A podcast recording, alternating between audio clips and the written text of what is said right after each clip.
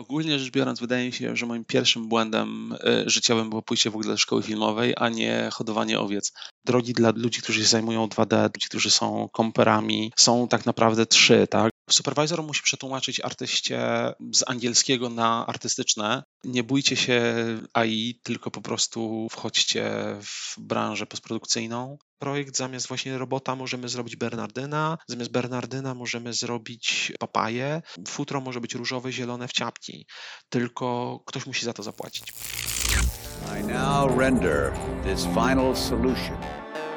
No, that's not what you want to do, but that's just the way that it is. Cześć wszystkim, słuchacie podcastu Live After Render. Nazywam się Jewgen, na co dzień jestem montażystą we wrocławskim ASF Studio, a w międzyczasie próbuję siebie w świecie VFX i grafiki komputerowej. A ja nazywam się Piotrek i również zajmuję się montażem wideo, motion grafiką, jak i VFX-ami. W podcaście rozmawiamy na różne tematy dotyczące pracy w postprodukcji wideo, o montażu i programach, ale też o teorii, własnych projektach i doświadczeniu. Razem próbujemy bardziej zagłębić się w świat wizualnych efektów i 3D, zrozumieć dlaczego warto poszerzać w tym swoją wiedzę i jakie są perspektywy rozwoju. Zapraszamy też różne osoby z branży. Porozmawiamy o tym, jak zaczynali swoją pracę w produkcji i postprodukcji wideo, czym się inspirują i jakie pokonują wyzwania. A do tego, jak głosi nazwa podcastu, nie zabraknie również rozmów na inne życiowe tematy, czyli jak spędzamy czas wolny, czym się zająć dopóki trwa render i co zrobić, kiedy już się skończył. Mamy nadzieję, że podcast będzie ciekawy jak dla już pracujących w branży, tak i dla tych, którzy dopiero na początku swojej ścieżki twórczej. Podcast można znaleźć na Spotify, Apple i Google Podcast oraz na YouTubie na kanale Live After Render. Dołączajcie do nas i zaczynamy! Witamy w czwartym odcinku podcastu Live After Render, gdzie rozmawiamy o branży filmowej, postprodukcyjnej i tak naprawdę o wszystkim, co dotyczy tego tematu, czyli od nagrania wesela do tego, jak tworzyć wybuchy komputerowe. Aha. No dobra, o weselach może niekoniecznie, ale efektom i grafice komputerowej dziś przyjrzymy się szczególnie. Ja nazywam się Piotrek, ze mną jest Jewgen. Cześć, cześć, siemanko. I dziś będziemy rozmawiać o tym, kim jest VFX Supervisor, czym właściwie się zajmuje na planie filmowym i za co odpowiada na etapie pre- i postprodukcyjnym. A naszym gościem specjalnym w tym odcinku jest Łukasz Omasta. Cześć Łukasz. Cześć wszystkim. Cześć, cześć Łukasz. Jak tam, jak tam pogoda w Pradze? Bardzo ładnie. Dzisiaj było, już chłodniej się robi, ale tam, e, ale dzisiaj było słonecznie, bo wczoraj cały dzień była mgła jakaś potężna po prostu. Tak, tak, chyba dużo widziałem po całej prawie, że Europie zdjęcia różne. E, ja pokrótce pozwolę sobie przedstawić naszego gościa. Łukasz jest UFX superwizorem z ponad 15-letnim stażem. Absolwent Wydziału Operatorskiego Łódzkiej Filmówki. Do dzisiaj pracował przy produkcji 14 filmów fabularnych oraz w setkach reklam i teledysków. Jego długoletnie doświadczenie jest znaczącym elementem przy pracy na planie z reżyserami i operatorami. Obecnie największe realizacje, w których brał udział, to Rambo Ostatnia Krew i polski dramat Magnezja. Aktualnie współpracuje z firmą postprodukcyjną Universal Production Partners, czyli w UPP, mającą siedzibę w Pradze. Dodam też, że poznaliśmy się na warsztatach poświęconych pracy z green screenem, które Łukasz właśnie prowadził jakiś czas temu w Centrum Technologii Audiowizualnych we Wrocławiu. I oczywiście nie mogłem przegapić takiej okazji, żeby nie zaprosić go na rozmowę do naszego podcastu. Łukasz, jak wyglądała Twoja droga kariery do zostania VFX supervisorem? Od czego zaczynałeś? Ja zaczynałem, to jest akurat bardzo, wydaje mi się, nietypowa droga, jeżeli patrzę na większość moich znajomych. Ja mniej więcej na, w połowie pierwszego roku studiów operatorskich w Łodzi stwierdziłem, że jednak chyba nie specjalnie interesuje mnie stanie za kamerą i odmrażanie sobie 4 liter na planie i chyba jednak wolę siedzieć przed komputerem i się bawić obrazkiem później. Na początku w ogóle myślałem tylko i wyłącznie o korekcji barwnej, bo to było jakby to, co wiedziałem, że istnieje. Tak? Nawet nie wiedziałem, że jest jakby taki specjalny dział jak postprodukcja obrazu, w sensie efekty specjalne i tak dalej. Mieliśmy wtedy na. No wtedy łódzka szkoła filmowa miała dużo mniej działów i mm, dużo bardziej się rozpadała chyba niż w tej chwili. To było dopiero kiedy powstał nowy budynek, jeden jedyny, który miał tynk, ale y, mieliśmy właśnie pracownię y, techniki komputerowej, którą prowadził Jarek Nizel. W zasadzie na pierwszym i drugim roku więcej czasu spędzałem właśnie z y, ludźmi z animacji. E, I tak jak niespecjalnie mnie interesowała animacja per se, to bardzo mnie interesowała postprodukcja, tylko że wtedy już nie do końca wiedziałem, że to jest postprodukcja. No i ponieważ okazało się, że operator zamieracze jak z koziej dupy trąba, więc, a za to mam jakiś tam dryk do, do tych komputerów, to jakoś zostałem w tym temacie i y, początkowo myślałem, że właśnie będę siedział tak bliżej korekcji barwnej i tego typu tematów, ale jakoś tak się zakręciło, że zamiast pójść w e, korekcję, trafiłem do firmy zajmującej się przygotowaniem, między innymi opracowaniami lektorskimi dla TVN-u i dla Kanal Plusa. I tam zajmowałem się kontrolą techniczną materiałów. Można by to nazwać w porywach e, revivalem, bo materiały, które przechodziły na, to były jeszcze wtedy bety cyfrowe i HDKamy, mm. materiały, które przechodziły wtedy, przechodziły w różnym stanie. Wiadomo, HDKamy to nie jest idealny archiwizacyjny nośnik, więc często było tak, że były materiały bądź uszkodzone, bądź zniszczone, e, brakujące klatki, więc trzeba było to podmalowywać, trzeba było odtwarzać i Stamtąd trafiłem już na, do, do studia postprodukcyjnego, do, które już nie istnieje niestety, do Box Post Production i tam usiadłem na online. W zasadzie w warunkach takich bardziej butikowych, polskich e, zawsze oznaczało, że jest się kimś na pograniczu superwizora, e, a czegoś, co się na zachodzie nazywa finishing artist, bo siedzisz z klientem, ale też musisz zbudżetować, powiedzieć ile coś zajmie producentowi, mm -hmm. musisz pojechać na plan no, i tak trochę, no ale to jest jakby zrozumiałe, no bo w butiku w warunkach polskich mamy tak naprawdę trzy czy cztery większe firmy, reszta to są mniejsze lub większe butiki. E, butik to dla mnie jest firma, która zatrudnia w sumie z 20-30 osób, z czego fizycznie odpowiedzialnych za obróbkę jest 10, 10 osób mniej więcej. Butik tutaj masz właśnie, na, tak, no, tak się nazywa, właśnie mówi się na, na firmę postprodukcyjną, tak? Tak, że to są właśnie takie butiki, no bo mhm. wiadomo, Platisz ma 350, ma 350 osób zatrudnionych, e, więc trudno nazwać to butikiem. Just, Just też jest dość spory. Telewizor w tej chwili w Warszawie e, też jest już bardzo znacznych rozmiarów, też już trudno ich nazwać butikiem, ale większość firm to są raczej firmy mniejsze. Jest Humanarch jeszcze, który jest dość spory, ale tak, to zawsze było, że właśnie firmy były takie po 20 parę osób.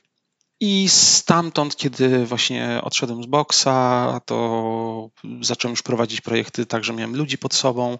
Jakoś tak płynnie przeszedłem po prostu w supervising, przeszedłem przez orkę. W zasadzie mm, też pracowałem jako freelancer, jako supervisor. Taka droga po prostu no od studiów, która się skończyła na supervisingu.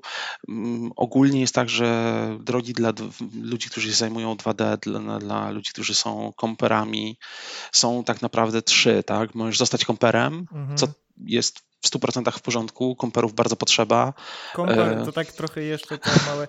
Komper to jest compositing artist? Ten, tak, tak, tak, tak, tak. To e, jest, składa obrazek jakby. To tak? jest ten, kto odpowiada za to, żeby to, co 3D wytworzy mhm. y, i to, co zejdzie z planu, złożyć do kupy, żeby to, co zejdzie z planu, wyczyścić, obrobić, y, dodać usunąć green screeny, tak. coś dodać, mhm. odchudzić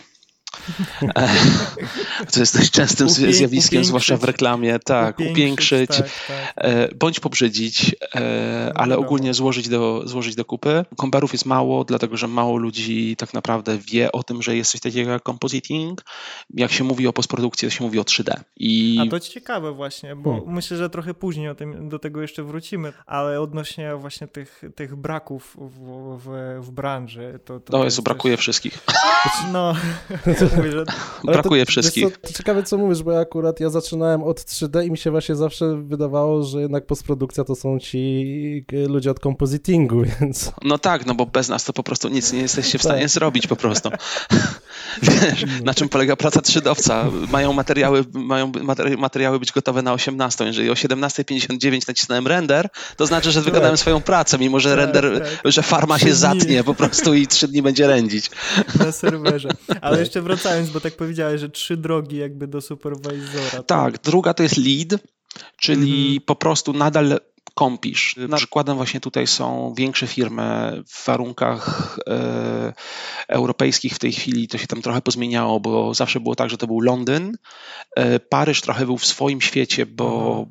oni są w swoim świecie i niespecjalnie są zainteresowani resztą świata. E, francuskie firmy, Francu, Francuzi produkują bardzo dużo filmów i są relatywnie dużym rynkiem, dlatego że no Francja to nie jest tylko Francja. To jest rynek również e, Quebec, to jest również Afryka, to Afryka, tak, tak, tak. są części, e, części Azji, części Ameryki Centralnej. Mm. Oni produkują dużo kontentu i to jest kontent ich. To samo jest z Hiszpanią. Hiszpania też się wydaje trochę takim dziwnym miejscem, że o co oni mogą produkować. No oni produkują zasadniczo na drugi największy język na świecie. Na tak? pół świata, no, tak, tak, tak, tak, tak, Bo trzeba pamiętać o tym, że... Przyznać, że też, no jednak poza tym, co powiedziałeś, to jednak filmy francuskie w Europie chociażby są, są znane, nie? One tutaj wypływają, są obecne tak. na naszych rynkach. Natomiast Absolutnie. już hiszpańskie mniej, nie? Już... Wiesz co, wydaje mi się, że to jest kwestia tego, że jednak mamy takie, taką pamięć z lat 70. i yy, że właśnie kino francuskie jest kinem artystycznym. Mm. A w, yy, ja nie pamiętam, kiedy to się wydarzyło, ale bodajże w latach 60. albo w 50.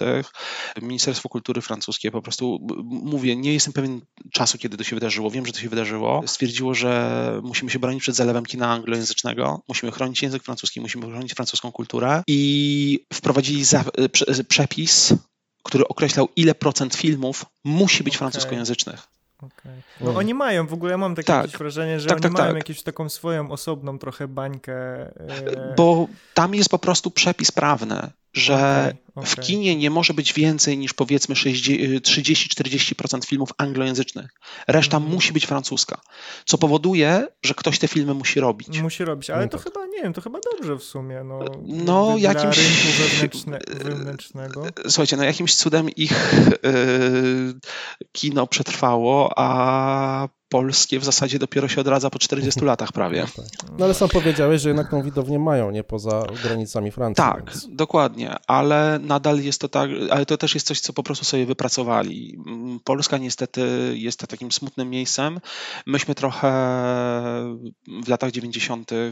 rozmienili na drobne, mimo wszystko dobrze znane kino europejskie. Słuchajcie, jakby jak rozmawia się z Czechami, co muszę robić codziennie, ludzie są na bieżąco z kinem polskim. Kino polskie jest bardzo duże, jest tym trzymane i w zasadzie wszyscy się pytają, co się dzieje, że tak mało filmów trafia czemu, poza czemu, Polskę, czemu, tak, tak? Tak, tak, tak? Że no. wiedzą o projektach takich bardziej jakościowych polskich, które rzeczywiście tam trafiają, y, są nazwijmy to wyższej jakości artystycznej w rodzaju Boże Ciało, czy tego typu rzeczy. Mm, zimna wojna, czy coś Zimna wojna, czy Ida, czy tego typu mm, filmy, ale no głupio im tłumaczyć, że słuchajcie, w zasadzie zasadzie całe lata, początek lat 2000 to było list do M, tak?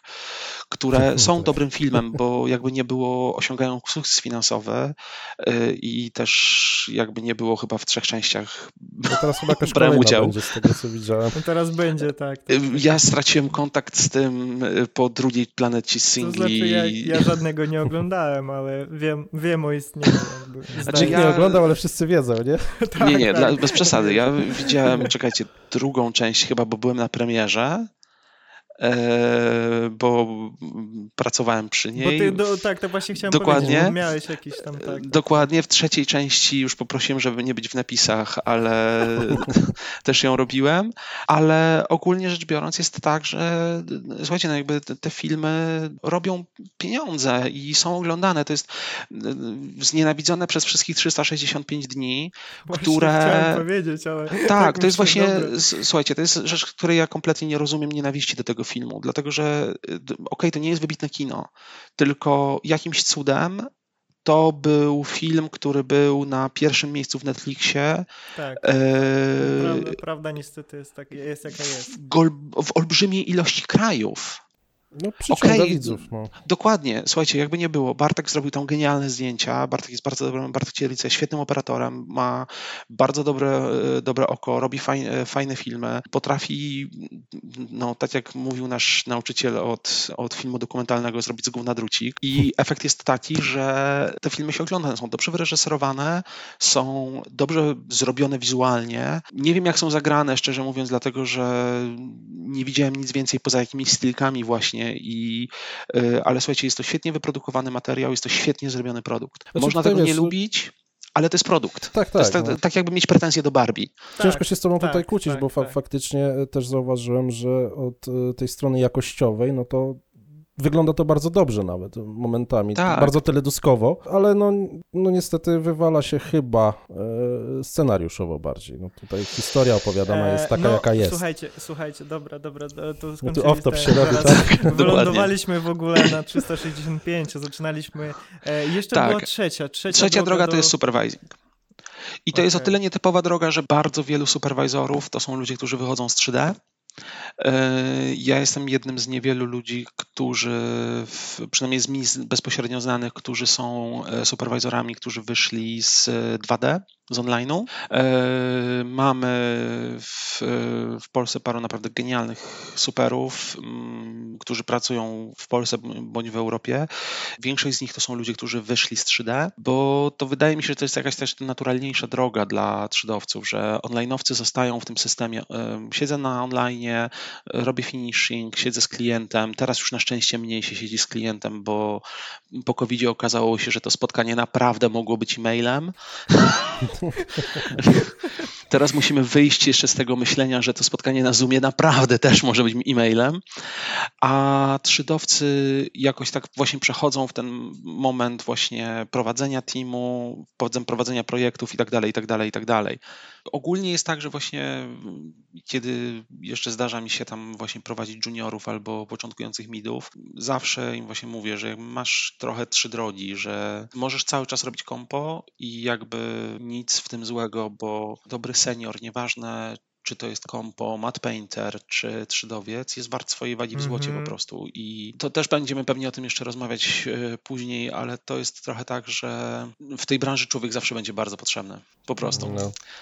I y, nie bójcie się AI, tylko po prostu wchodźcie w branżę postprodukcyjną. Jest parę, jeżeli tam będziecie chcieli, to możemy o tym porozmawiać. Jest parę stanowisk, które są w zasadzie rozbierane no, w sekundę, jak się tylko pojawi nowy człowiek, bo to jest okay. jedna z tych branż, gdzie praca szuka człowieka.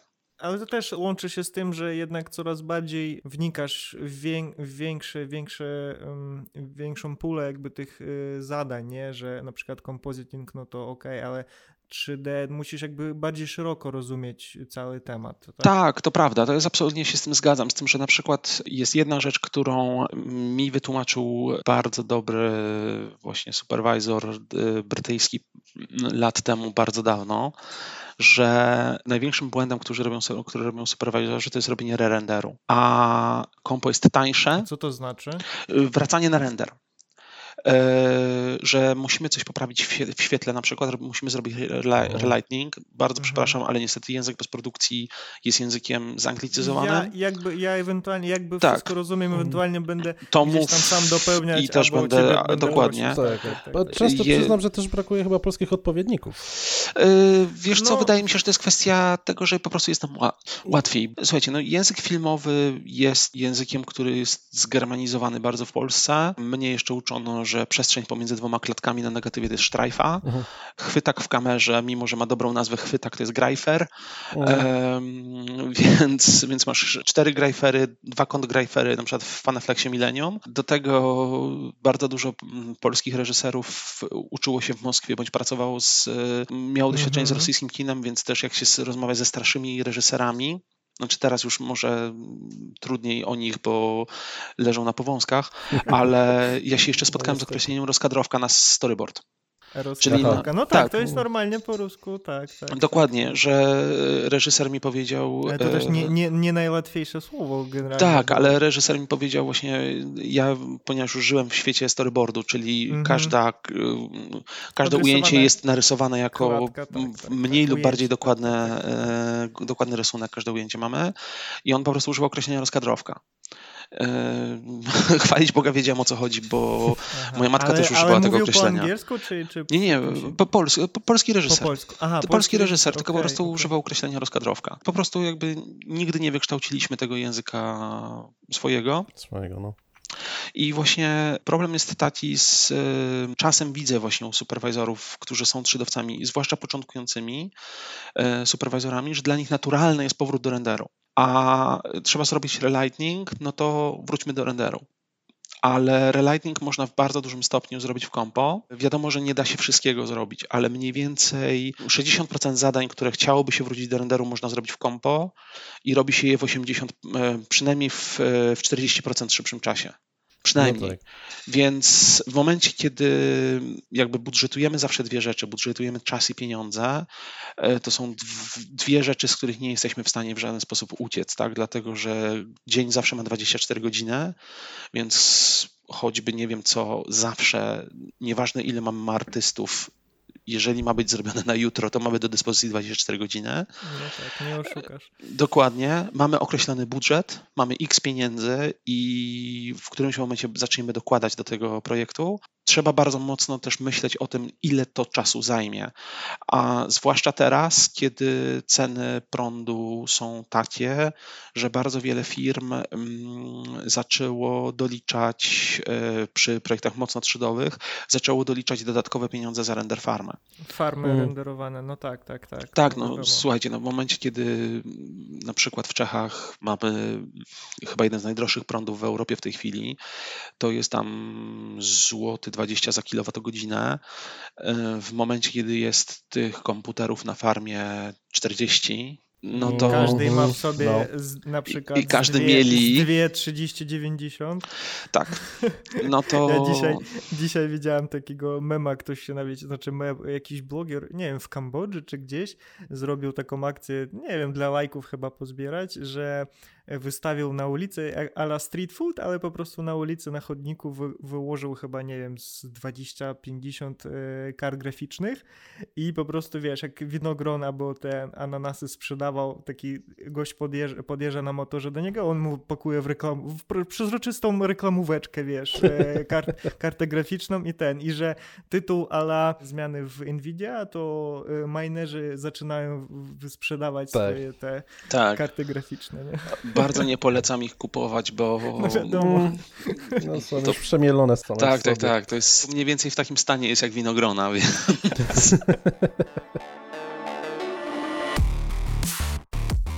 może jeszcze tak cofnijmy na, na dwa kroczki. Czy mógłbyś prostymi słowami, ok, powiedzieliśmy, że kto to jest komper, ale tak ogólnie jeszcze raz prostymi słowami określić, kim jest właściwy VFX Supervisor?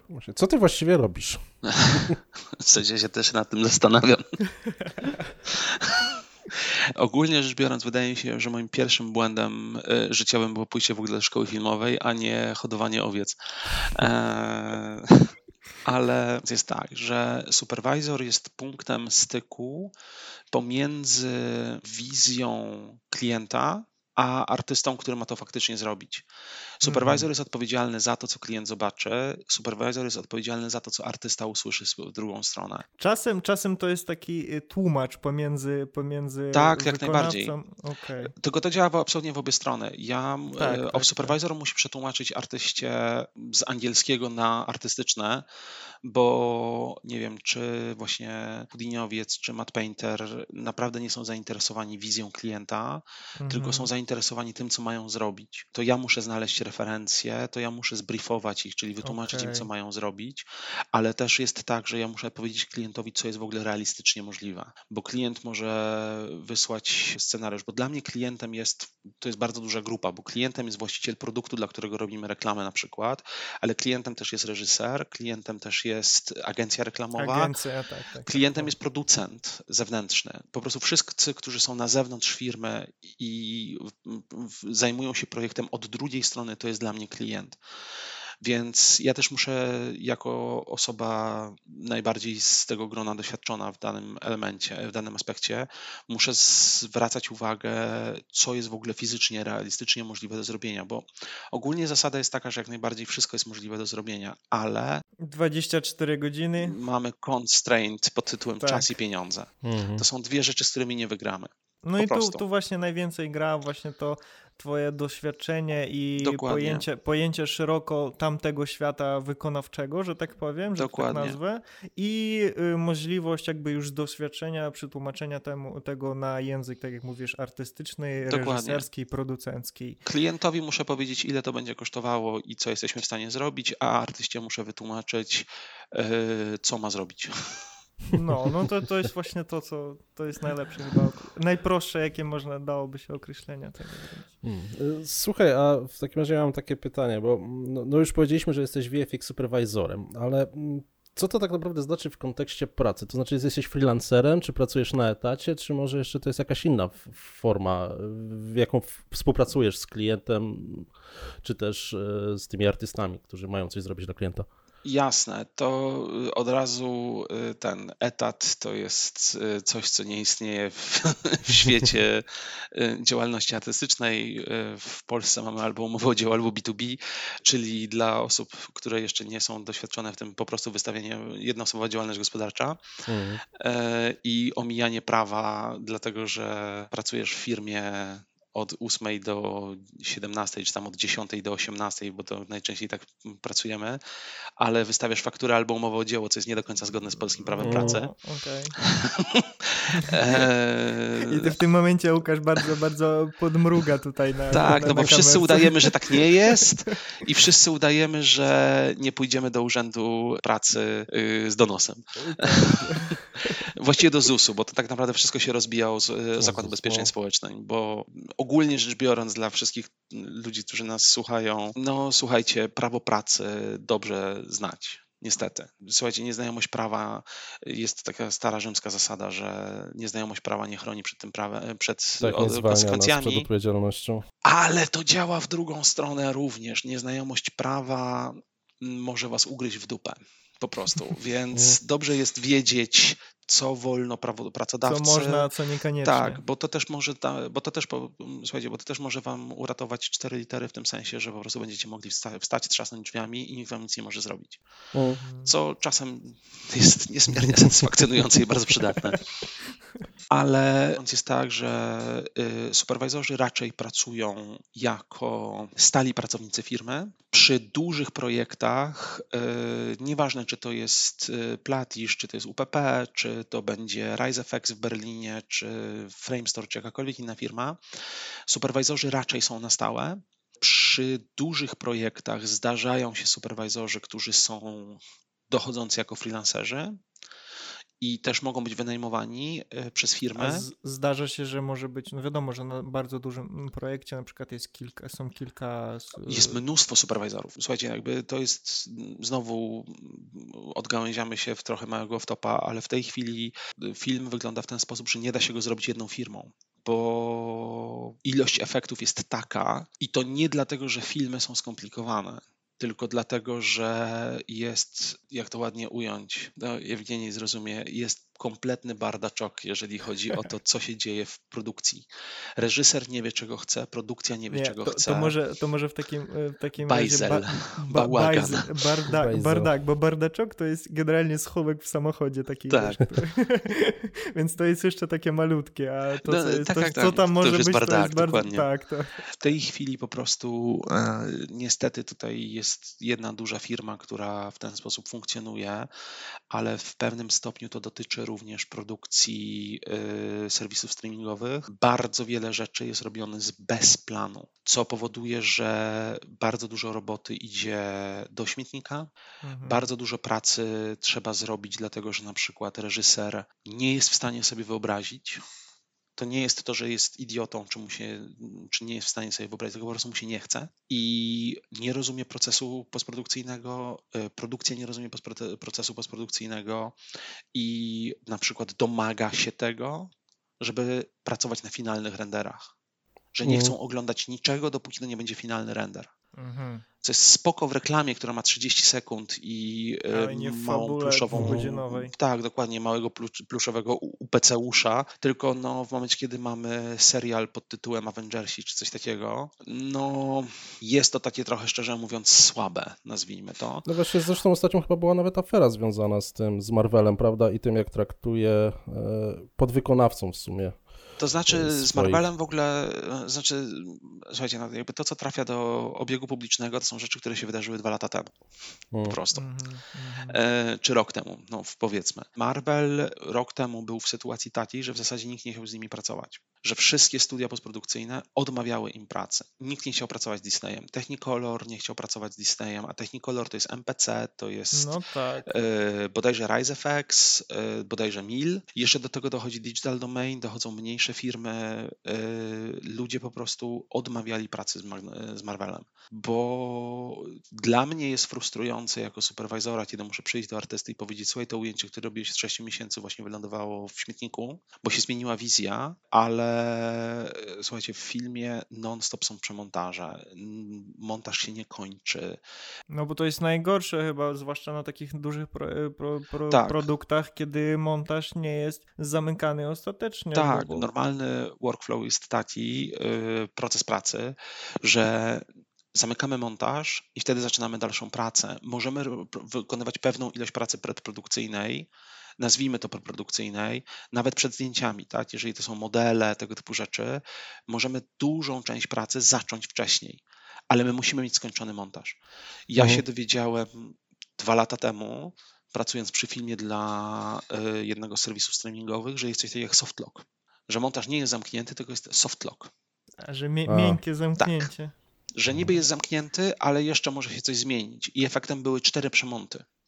Mhm. I po ostatnim przemoncie mieliśmy 120 nowych ujęć efektowych w bardzo prostym filmie.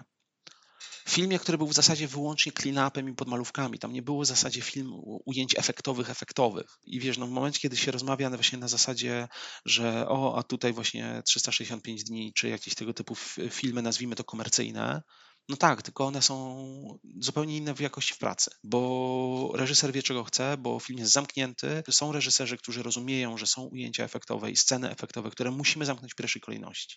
Na przykład. To też nie jest tak, że postprodukcja jest jakimś tutaj demonem, który stoi, że musisz zamknąć, bo to inaczej nie zrobimy nic. No bo to po prostu chodzi o normalne jakby podejście. Tak, no my też mamy deadline'y, tak? No Więc właśnie. jakby to jest kwestia wzajemnego zrozumienia, tak? Ty chcesz dostać od nas skończony film, więc ja tylko proszę o wybranie take'a. Bo dla mnie naprawdę nie ma różnicy, czy to ujęcie będzie dłuższe o pół minuty, o 10 sekund z jednej strony, z drugiej strony, tylko ja muszę dać coś artystom, żeby oni już mieli tło, żeby zaczęli robić look dev, Tak. Mm. na przykład.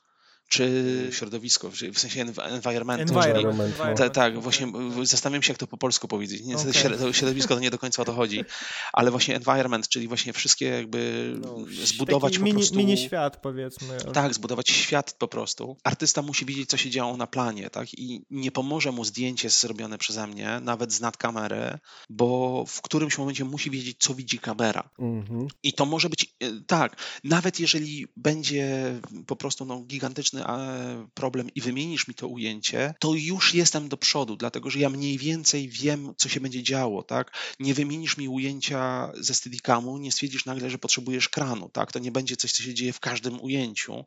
Będę mógł zacząć pracę wcześniej.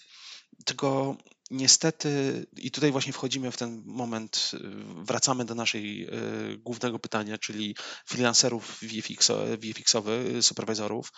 Niestety, i byłem też w takiej roli, domy produkcyjne, w sensie producenci, wytwórnie, dystrybutorzy, bo to często jest jedno i to samo, zaczęli zatrudniać y, superwizorów po Mhm. swojej stronie Mhm. do filmu. I ci ludzie mają za zadanie znaleźć błędy w ujęciu. Bo oni są trochę na zasadzie takiej, że oni są techniczną kontrolą, takim quality checkiem ze strony klienta, który odbiera ujęcia. Reżyser ma powiedzieć, czy coś jest ładne, czy coś jest brzydkie, czy coś mu się zgadza w wizji, ale ten supervisor będzie szukał problemów w ujęciu pod tytułem, że gdzieś jest maska niedotrakowana. Czyli nie ten, co pomaga i próbuje załatwić ogólnie Tak. do, To nie są ludzie, dokładnie, to jest tylko quality control, takie jak powiedziałeś trochę, nie? To znaczy, No, tak, tylko quality ale- control jest akurat czymś potrzebnym. To jest trochę Czasem na zasadzie... szukanie jakby dziury w całym, nie? Niestety tak. To jest Mhm. coś, co się pojawiło parę lat temu i to jest, właściwie można ten moment znaleźć trochę w czasie, jak się zaczyna oglądać filmy, tak? Jak patrzymy na historię kina, to parę lat temu nagle, w momencie, kiedy pojawiły się te właśnie super efektowe, efekciarskie filmy, nagle stało się tak, że widzisz moment, w którym w procesie produkcyjnym pojawili się ludzie, których jedynym zadaniem jest znalezienie problemu w ujęciu. Nie uczynienie ujęcia lepszym, Mhm. ale znalezienie, co jest w nim nie tak. A to jest bardzo ważna różnica. Zadaniem wszystkich osób przy filmie powinno być to, żebyśmy wyprodukowali jak najfajniejszy produkt. My musimy zrobić coś fajnego. Ja muszę spojrzeć na ujęcie i stwierdzić, kurde, wiesz co, fajnie by było, gdybyśmy to trochę inaczej poświecili, fajnie by było, gdybyśmy w kompo coś dodali. Żeby razem grać do jednej bramki. A Dokładnie, nie, a nie nie szukać błędów. Tak. Mhm. Bo to jest największy po prostu problem w tej chwili, że wszyscy szukają dziury w całym, tak? Na YouTubie jest większość kanałów, to nie są kanały na zasadzie takiej, które zajmują się VFX-ami. Mhm. To nie są filmy pod tytułem o rany, zobaczcie jak zarąbiście zrobione rzeczy, Tylko co tutaj było? tylko Tak. co było źle zrobione. Mhm. Okej. A w tym jest zawsze problem, tak jakby zawsze, bo te, te, te, też zdarza mi się, że dostaję takie zadanie od jakiegoś znajomego producenta, na przykład czy reżysera, słuchaj, czy możesz spojrzeć na ujęcie, dlatego że ja naprawdę nie wiem, co już mam powiedzieć studiu postprodukcyjnemu. I zawsze jest ten taki moment pod tytułem ja byłem po drugiej stronie. Ja wiem, co się dzieje, kiedy mamy deadlines, kiedy mamy 20 innych projektów, kiedy troszkę daliśmy ciała, bo coś źle zaplanowaliśmy, ale też wiem, co się dzieje, kiedy klient cały czas zmienia wizję. I trudno jest czasem ocenić bezstronnie i powiedzieć: Nie, nie, rzeczywiście ktoś w postprodukcji dał ciała, dlatego że nie byłem przy tym projekcie i nie wiem, co tam się działo na linii wymiany informacji, tak? Mhm. I ktoś inny, ktoś, kto był w tym projekcie, y, może powiedzieć, że fajnie, że się śmialiście, na przykład tam było z kotami, tak było, że na... A, The Cats, e, Tak. tam gdzie e, te e, an, anusy kotam zacierali na... Tak, na to znaczy mi chodzi o to, że tam właśnie na, chyba na Oscarach, czy gdzieś, czy na Tony, czy na Emmy, na którychś nagro, Mhm, nagrodach prowadzący przebrali się za takie gównia, w takie gówniane stroje Coś kotów. było, tak, tak, tak. tak I właśnie y, był komentarz kogoś, kto pracował, że y, właśnie nie oglądałem tego y, rozdania nagród, ale mam nadzieję, że byli pełni szacunku dla 80-godzinnych tygodni pracy, które mieliśmy pod koniec tego projektu. I to jest właśnie ten problem, że nie można w łatwy sposób powiedzieć, czyja to jest wina, że coś wygląda w taki, a nie inny sposób. Jedyne, co mogę powiedzieć, że wina jest w tym, że za wszelką cenę próbujemy znaleźć błędy, zamiast zrobić coś razem dobrego. Mhm. I taki proces nazywa się profesjonalnie pixel fuckingiem. I po prostu, no niestety, jest bardzo wielu ludzi w filmie, którzy się tylko tym zajmują.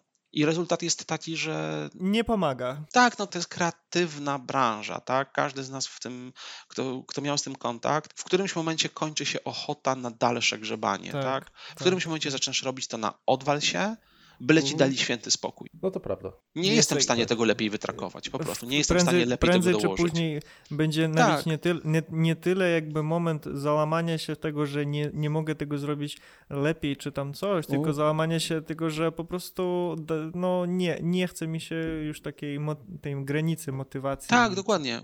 Po prostu już nie chce mi się patrzeć na to ujęcie. Tak, tak, tak. tak.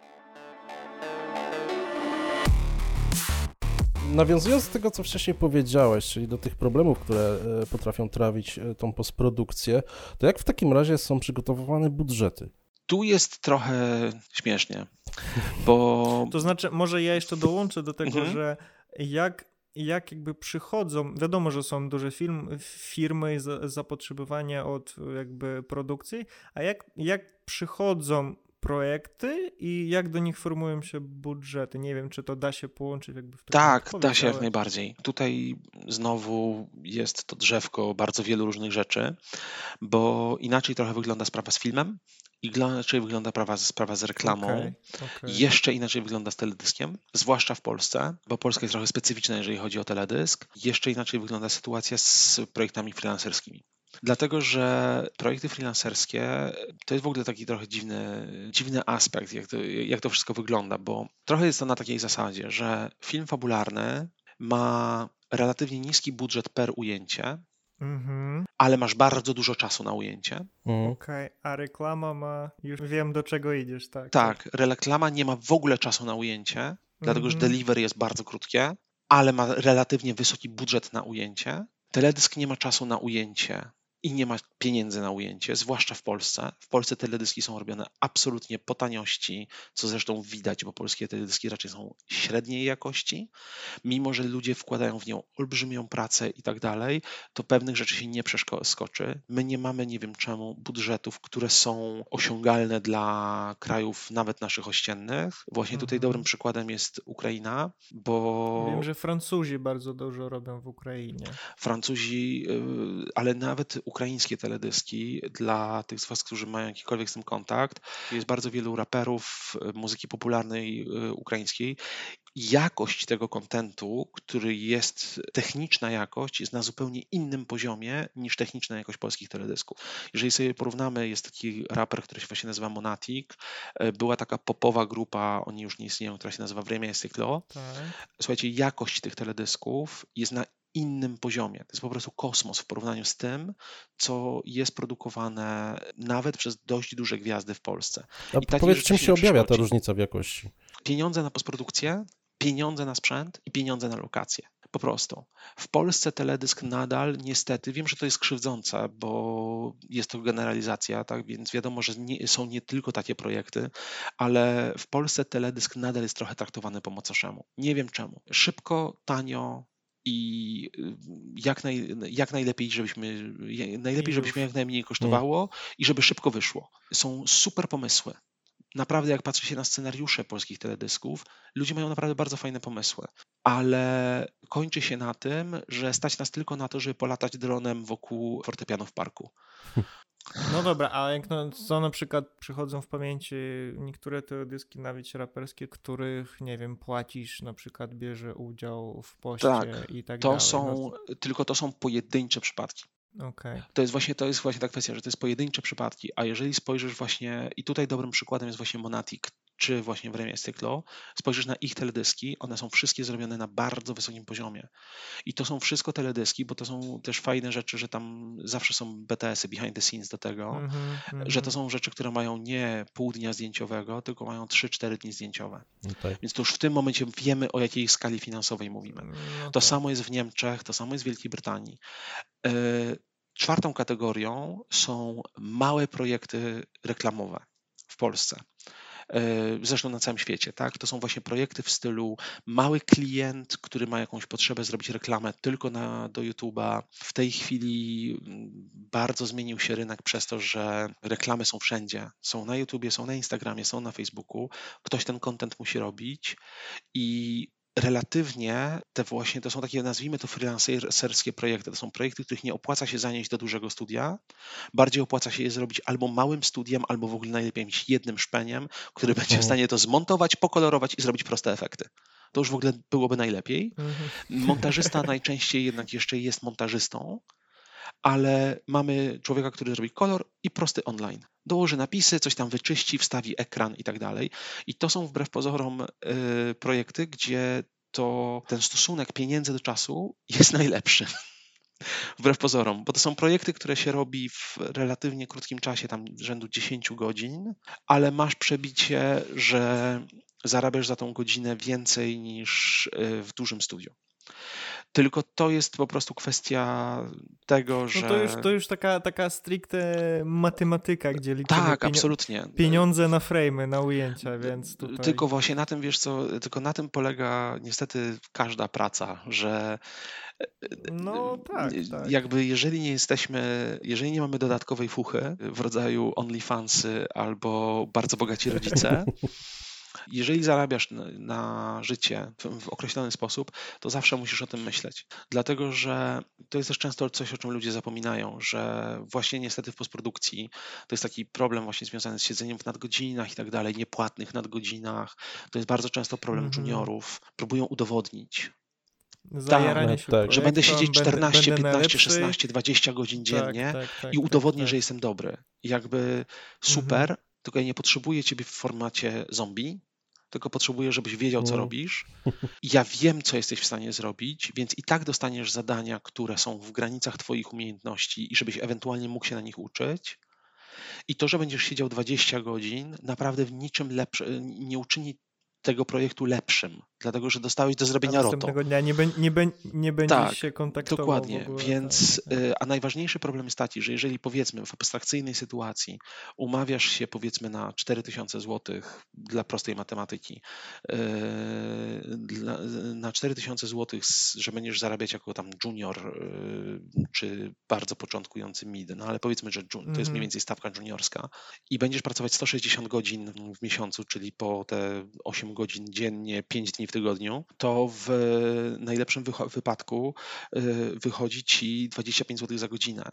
Więc jeżeli teraz stwierdzisz, że będziesz siedzieć za darmo 10 godzin dziennie, zamiast siedzieć 8 godzin dziennie, Mm.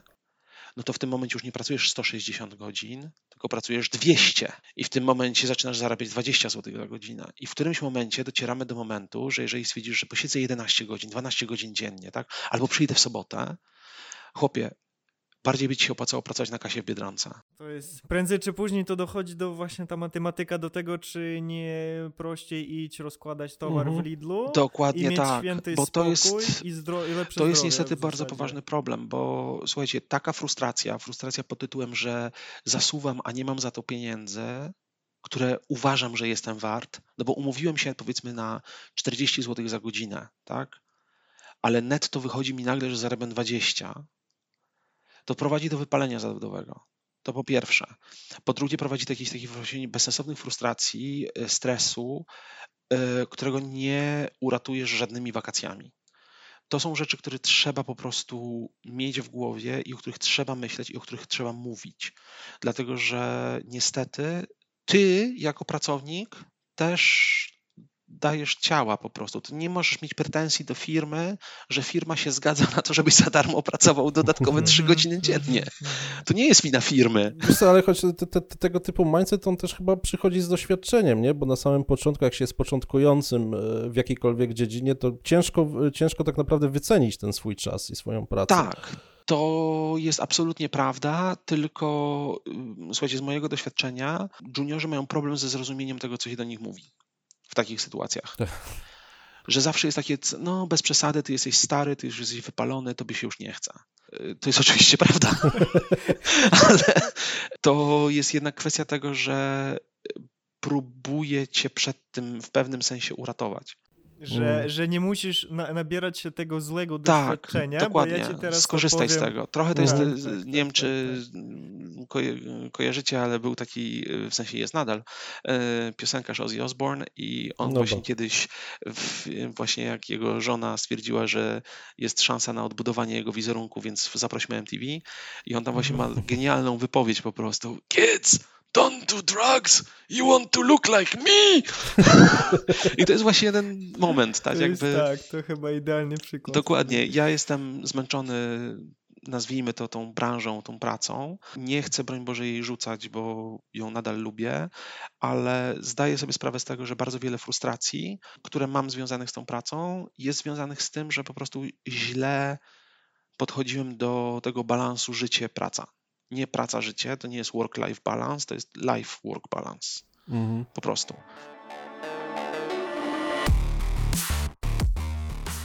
Ale jeszcze wrócąc, wracając do pieniędzy i budżetu. Tak, właśnie. Przepraszam, to- to odpowiem właśnie- właściwie na pytanie. No, no, no, no, no. ogólnie jest tak, że wyceniamy w oparciu o coś. Czasem jest to precyzyjny brief, bo agencja przygotowuje scenariusz. e, Że ktoś już zrobił swoją tak, pracę. agencja przygotowuje y, brief dla reżysera, e, pisze scenariusz, dlatego że rzadko, za- rzadko jest tak, że pierwszą wersję scenariusza pisze reżyser. To jest tylko w bardzo poważni reżyserzy w bardzo poważnych projektach reklamowych. A najczęściej jest tak, że agencja się tym zajmuje. E, Agencja przedstawia pomysł klientowi, klient ten pomysł akceptuje, to trafia do reżysera, reżyser trochę przerabia, mówi jaką ma mniej więcej wizję, to trafia do nas. My zaczynamy na to patrzeć, patrzymy na to, mówimy, dobra, to, to jest 30 sekund, więc 8 sekund to będzie demo i packshot, czyli wszystkie te rzeczy, które jakby klient dostarcza i one w pewnym sensie nie wpływają Mhm. na film.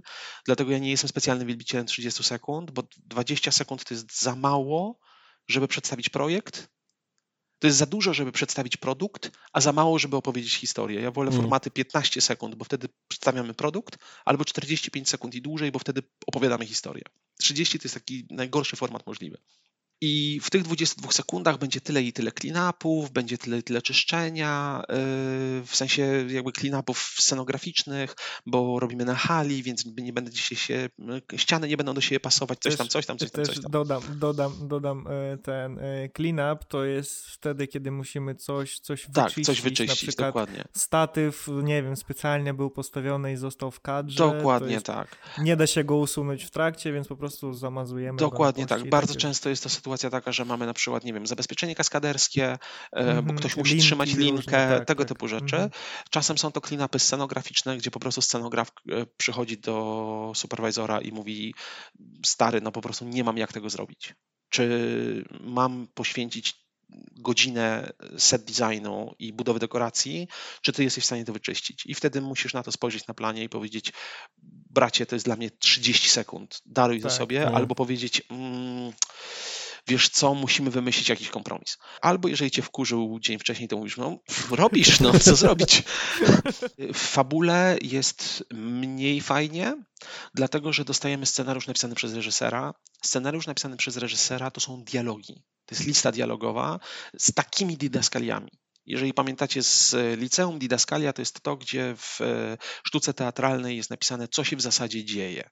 Gdzie jesteśmy, co się dzieje. Hamlet stoi Mhm. e, w, w swoim pokoju i stoi koło okna, na którym jest firanka, co jest ważne, dlatego że za firanką chowa się nie Falstaff, tylko już nie pamiętam, kto się Mhm, chowa. mhm, I to będzie ważne, bo Hamlet musi dziabnąć i powiedzieć szczur, szczur, zabiję szczura. I tak wygląda scenariusz filmowy. To są po prostu dialogi z małymi dydaska- didaskaliami. Technicznie rzecz biorąc, kiedy dostajesz scenariusz do przeczytania filmowy, powinieneś przeczytać cały scenariusz. W Mhm. praktyce przelatujesz przez dialog, bo naprawdę z mojego punktu widzenia to, co ci nieszczęśni ludzie mówią do siebie, jest absolutnie bez znaczenia. Dla mnie są ważne didaskalia. Więc ja czytam przede wszystkim didaskalia i muszę sobie stwierdzić, dobra, to wygląda jak zastana lokacja, więc tutaj będzie trzeba zrobić to i to. Tutaj chyba będziemy na hali, więc będzie trzeba zrobić to i to. Tutaj w ogóle jest napisane, że za bohaterem pojawia się wielki robot, więc chciałbym się porozmawiać z kimś z produkcji, bo nikt mnie tego nie o tym nie uprzedzał. I właściwie to nawet nie jest budżetowanie, dopóki nie ma przynajmniej rozmowy z reżyserem, bądź z kimś odpowiedzialnym od strony e, produkcyjnej, bądź w ogóle dopiero budżetujemy na przykład po czytaniu, pierwszym czytaniu scenariusza, gdzie na pierwszym czytaniu scenariusza są, nie ma aktorów w ogóle, to jest czytanie techniczne i jest e, Kiedy producent kreatywny, producent, produkcja. scenografia, Mhm, mhm. wszyscy ludzie, wszystkie działy odpowiedzialne za produkcję czytają scenariusz i zadają sobie pytania. I tutaj na przykład wchodzi zabezpieczenie ka- kaskader cały na biało i mówi, że słuchajcie, będzie dobrze. I w tym momencie pewna część mojego ciała jest ciasna jak nosek królika, bo wiem, że nie będzie dobrze. To jest ten moment, kiedy się zatrzymuje e, taśma i It wasn't. To jest ten moment, tak? Jak tylko słyszycie, nieważne czy to mówi postprodukcja, czy to mówi produkcja, jeżeli mówi Mhm. będzie dobrze, zaufajcie mi, będzie źle. Okej. Po prostu. A słuchaj, a czy na tym etapie y, już brane są pod uwagę ewentualne dokrętki w budżecie, czy ewentualne poprawki i tak dalej, czy to Tak. dopiero później wynika? Tak, tak, tak, tak, tak. Dlatego, że ym, znaczy to dotyczy oczywiście tylko wyłącznie filmu, bo dokrętki w zasadzie nie funkcjonują w reklamie. Mhm. E, reklama się, właśnie tym się różni reklama, że ja dostaję już w zasadzie coś, gdzie jestem w stanie zakładać godziny. Gdzie ja Mm. już mogę powiedzieć, że potrzebuję 250 godzin clean-upów, potrzebuję 350 godzin kompo, potrzebuję 450 godzin 3D, potrzebuję 50 godzin trackingu, potrzebuję matte paintera na 3 dni. Na tej zasadzie już jestem w stanie rzeczywiście planować, pewne założenia budżetowe robić już od razu. Produkcja, moja produkcja, w sensie firmie, w której pracuję, wkłada to w ładną tabelkę, dodaje mm. procent odpowiedni swój, swój tak, tak. mnoży przez dzień tygodnia i przez nastrój i przez odejmuje upust dla klienta. Słuchajcie, no to jest normalna sytuacja, tak? No Jakby... tak, tak, tak, tak, tak. Bo tak samo przed tym, jak wysłać do was, to to samo troszkę robi agencja jeszcze. Tak, oczywiście, bo słuchajcie, trzeba pamiętać o jednej rzeczy. Jeżeli ja mówię, że nazwijmy to jedno ujęcie będzie kosztować 30 tysięcy dolarów, to za te 30 tysięcy dolarów trzeba zapłacić nie tylko artystom, którzy to robią, ale trzeba zapłacić recepcji, trzeba zapłacić produkcji, mm. trzeba zapłacić pani, która będzie sprzątać, trzeba tak. zapłacić za sprzęt, trzeba zapłacić za subskrypcję komputer- programów, bo teraz mm. wszystko jest w subskrypcjach, no tak. trzeba zapłacić za działanie farmy, trzeba zapłacić za rachunki za prąd to nie jest tylko i wyłącznie koszt artysty. Dokładnie. To, że artysta zarabia powiedzmy 35 euro za godzinę pracy, to nie znaczy, że to ujęcie w przeliczeniu będzie kosztować tyle, ile godziny pracy artystów. Bo koszty studia są zupełnie inne. Dlatego dla produkcji w małym projekcie może być tańsze pójście bezpośrednio do hipka, który będzie to sam robił, dlatego że bardzo często sam jestem tego przykładem, taki hipek nie myśli o tym, że musi zapłacić na koniec miesiąca tak. rachunek za prąd. I po prostu o tym się zapomina. I okej, okay, no dobra, y, w studiu y, zarabiam 35 euro, no to powiem 35 euro. Tylko to tak nie jest, tak? Bo Tylko, zapominamy o kosztach. Do... na kompie studyjnym i tak dalej. Dokładnie. Mhm. I siedzę w toalecie studyjnej. Więc y, jakby wykorzystuję media, z których nie myślę o tym, że wykorzystuję media, które, za które ktoś musi zapłacić. W filmie jest taka specyfika, że film ma założenia. W zasadzie jest tak, że słuchajcie, statystycznie film to jest 25 do 35 dni zdjęciowych. Czasem jak scenariusz dostajesz i słyszysz, że będzie 25 dni zdjęciowych, a ze scenariusza ci wychodzi mniej więcej 3,5 roku, to tak, no spoko, ale przepraszam, ile, jaką to ma mieć długość? 90 no, minut. To czemu scenariusz, jak czytam, to mi wychodzi jakieś 4,5 godziny. W filmie produkcja zakłada dokrętki. To jakby dobra produkcja zawsze będzie zakładać dokrętki, mhm. bo taniej jest założyć dokrętki niż rezerwę pogodową. Rezerwa pogodowa to jest to, że e, jeżeli w scenariuszu, tak, jeżeli w scenariuszu napisane, że Arthur odjeżdża ku zachodzącemu słońcu, to znaczy, że to słońce jednak powinno być widać. Więc jeżeli przez tydzień zdjęciowy będzie padać, to znaczy, że musimy mieć rezerwę pogodową. Mhm. Musimy to zdjęcie, te zdjęcia zrobić w momencie, kiedy będzie widać słońce. Tylko budżetowanie filmu to jest naprawdę w cholerę trudna sprawa i w ogóle rozkładanie kalendarzówki, bo trzeba rozłożyć, zsynchronizować 30 parę osób, które jest po stronie e, realizacyjnej, czyli oświetlaczy, wózkarzy, pana hrabiego z postprodukcji, który sobie przyjeżdża na gotowo i domaga się, żeby był, wiesz, przygotowany pokój hotelowy. I wszystkim przeszkadza. I, i wszystkim przeszkadza na planie. Tak. E, trzeba zorganizować catering, trzeba zorganizować to wszystko, trzeba zorganizować aktorów, którzy nie żyją po to, żeby zagrać w tym jednym filmie, tylko robią parę projektów naraz. Przejeżdżają, robią pracę i jadą dalej. Tak. tak. Jeżeli mhm. chcesz, żeby pan aktor Y, był tylko dla Twojego filmu, musisz mu odpowiednio za to zapłacić. I wtedy on może siedzieć przez pół roku i czekać, aż do niego zadzwonisz i powiedzieć: Słuchaj, za tydzień będziesz w Tajlandii, dlatego że mamy, y, że słoń, który miał zagrać, właśnie wyszedł od mhm. weterynarza i będziesz z nim grać. Tylko, że w tym momencie ten aktor po prostu będzie chciał mieć pieniądze płacone za to. No tak. Bo też trzeba pamiętać o tym, że aktor istnieje tylko w filmach, w których gra. Więc jeżeli aktor przez pół roku robi tylko jeden projekt, to znaczy, że za rok on się pojawi tylko w jednym filmie. To też jest coś, o tym trzeba myśleć, jakby w momencie, kiedy się myśli o tym mm -hmm. narzekaniu, że mm o mhm. Boże, jedyny dlaczego aktor wiesz, jest dostępny tylko w jeden dzień. No tak, bo w inny dzień ma inne zdjęcia, albo jest w teatrze jakby jego karierą jest jego twarz, on się musi pokazywać. Więc zawsze jest tak, że się dokrętki zakłada, tylko wszyscy mają nadzieję, że tych dokrętek nie będzie. W teledyskach, jeżeli są to dobrze przygotowane teledyski, które są małymi filmami, też często gęsto jest tak, że się zakłada, że dobra, słuchajcie, będziemy potrzebować pół dnia potencjalnie dokrętek. Przy skomplikowanych projektach, gdzie nie wiemy do końca, co się wydarzy w montażu, co, co, często jest przy teledyskach, no bo przy teledysku jednak wiodącym mm -hmm, elementem mm -hmm. jest muzyka i rytm. I może się okazać, że po prostu coś, co nam się wydawało nawet w animatiku, w świetnie przygotowanym stylomatiku, potem zrobiliśmy animatik, tak, zrobiliśmy prewizy w 3D, tutaj w ogóle zrobiliśmy prostą animację, kurde nie działa. Wszystko działało, kiedy to były szaraki, w sensie szary render, No tak, taki bez mhm. żadnych tekstur, ale jak wszedł w to aktor, czy piosenkarz i zagrał to, nagle się okazuje, że to nie działa, tak? Potrzebujemy zrobić tę przysłowiową przebitkę na miauczącego kota, tak? Potrzebujemy po prostu mieć te 5 metrów kota, żeby dać oddech w montażu. Mhm. Słuchaj, a, ty też, a jak to się ma do samego postu? Bo czy na przykład e, będziesz miał taką sytuację, że no, masz robota, który strzela różowym laserem z oczu, nie, ale tu nagle przychodzi klient, nie, nie, nie, jednak chcę mieć robota, który tańczy i zieje czerwonym ogniem. Czy tego typu zmiany są, no mniej więcej, ale czy tego typu e, e, rzeczy są już w tym budżecie, czy to jest na takiej zasadzie, no dobra, zrobimy to panu, ale wyskakuj pan z kasy? Nie, znaczy tak, w reklamie takie rzeczy są dobudżetowywane. Mhm. To jest trochę specyfika niestety rynków bardziej dzikich w rodzaju rynku polskiego, gdzie króluje ryczałt, że klienci niestety tego nie szanują i skoro umówiliśmy się na 100 tysięcy czy 200 tysięcy na postprodukcję, Mhm. to my teraz będziemy tutaj po prostu. Zajedziemy cię, nie? Dokładnie. To nie jest tak, że to jest przypadek tylko Polski. Dokładnie w ten sam sposób działają e, klienci z e, Indii na przykład, gdzie po prostu 30 sekund po tym, kiedy dostaniesz materiały, nawet nie dostaniesz, tylko kiedy oni nacisną send i ładują się na FTP materiały, to po prostu masz telefon, gdzie pan ci mówi, że klient nas zabije, jeżeli tego nie zrobimy trzy tygodnie wcześniej i e, nie dołożymy dodatkowych 20 ujęć i że oni już wszyscy nas zabiją, nie będą chcieli z nami pracować i potem tych płaczy y, i gorzkich żalów używają, żeby tańczyć po prostu w drewnianych chodakach po budżecie wynikowym. Ale w normalnych sytuacjach jest tak, że mamy budżet założeniowy, mamy też budżet wynikowy, gdzie może być po prostu sytuacja, że coś się zmieniło, więc ktoś musi za to zapłacić, tak? bo zmieniliśmy założenia. To są sytuacje takie, że no jakby tutaj firma się musi przed tym bronić. Firma musi tak sformułować kontrakt, żeby mieć przed tym obronę.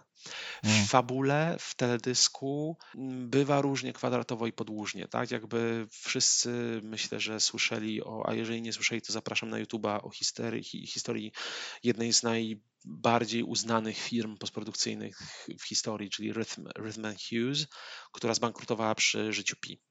No to była słynna, głośna afera. Tak, to była głośna afera. Ja nie jestem w stanie do końca tego zrozumieć, bo koniec końców ludzie pracowali... Czekaj, czy to jest ten film, gdzie chłopiec na w, Tak. w wódce Na łodzi jest, tak. na łodzi- Z tygrysem, tak. dobra, no, no, no. no. E, Nie wiedzieć, czemu nie mogli tego zrobić z prawdziwym tygrysem. Znaczy, całe szczęście, że dzieciak był prawdziwy, bo łódka już nie była prawdziwa. Film, który dostał stertę Oscarów, między innymi za efekty, za postprodukcję, za zdjęcia, czego do końca nie rozumiem, dlatego że zdjęcia zostały stworzone w postprodukcji tam akurat. Część moich znajomych, zaprzyjaźnionych operatorów będzie chciała mnie teraz ukrzyżować, ale no, to jest dodatkowa dyskusja na temat tego, gdzie kończy się, kto jest twórcą zdjęcia, tak? Mhm. Kto jest twórcą ujęcia tak, okej, naprawdę. No tak, gdzie jest ta granica jakby taka trochę, tak. tak Dokładnie. To jest taki dość bolesny pr- problem. I słuchajcie, ostatnie 6 miesięcy cała firma pracowała za darmo. Ludzie pracowali za darmo, bo chcieli skończyć film, bo to byli ludzie, którzy pracowali w RH, pracowali po prostu przez lata. Którzy byli zaangażowani w firmę, którzy byli zaangażowani jakby w pracę w tej firmie, którzy lubili tam pracować i po prostu wszyscy myśleli, dobra, no to będzie dobrze, tak, będzie dobrze. Wykończyły ich po prostu zmiany wykończyły ich braki, decyzyjne, braki decyzji, wykończyły ich zmiany w, pracy, w trakcie produkcji i w którymś momencie okazuje się, że po prostu tracisz płynność finansową, dlatego że musisz dziesiąty raz zmieniać render, bo ktoś tam nie jest w stanie zrozumieć, co ocenia na animatiku, nie Mhm. jest w stanie ocenić animacji postaci bez wyrenderowanego futra. Tak? Mhm. No więc to po prostu, no to tak się nie da zrobić, tak? To jakby ktoś musi za to zapłacić. Nie ma problemu, możemy zrobić, nie wiem, Smauga, czy nie wiem, coś włochatego, Garfielda na przykład, czy jakiegoś innego st- stworka, który mówi i tańczy w kadrze, ale sorry, no musimy rozumieć to, że pewnym, że mamy pewne etapy, tak? Musimy zamknąć animację postaci, żeby móc zacząć robić futro. No tak. Więc jeżeli każecie nam wyrenderować futro, każecie nam zrobić, to się nazywa grooming. Robienie Tak. futra to jest grooming. Jeżeli każecie nam zrobić groomy, tekstury, rendery i wszystko, zrobić kompo i tak naprawdę dostarczyć skończone ujęcie, żebyście nam powiedzieli, że kurde, to nie działa, kiedy on robi raz, dwa, cza, cza, cza, raz, dwa, musi zrobić cza, cza, cza, raz, dwa, cza, cza, cza. I lewa rączka wchodzi e, Tak, szybciej, no, czy to coś jakby- takiego. Tak, tak, tak. Albo sytuacje, które też się niestety często zdarzają, pod tytułem wiecie co, to nie działa, kiedy on jest, ma kształt gruszki, on musi mieć bardziej kształt jajka, tak? Mhm. Musi mieć zupełnie przemodelowaną twarz, musimy zmienić model wręcz. Jeżeli się zmienia model, to już tak naprawdę robimy projekt od początku. Tak.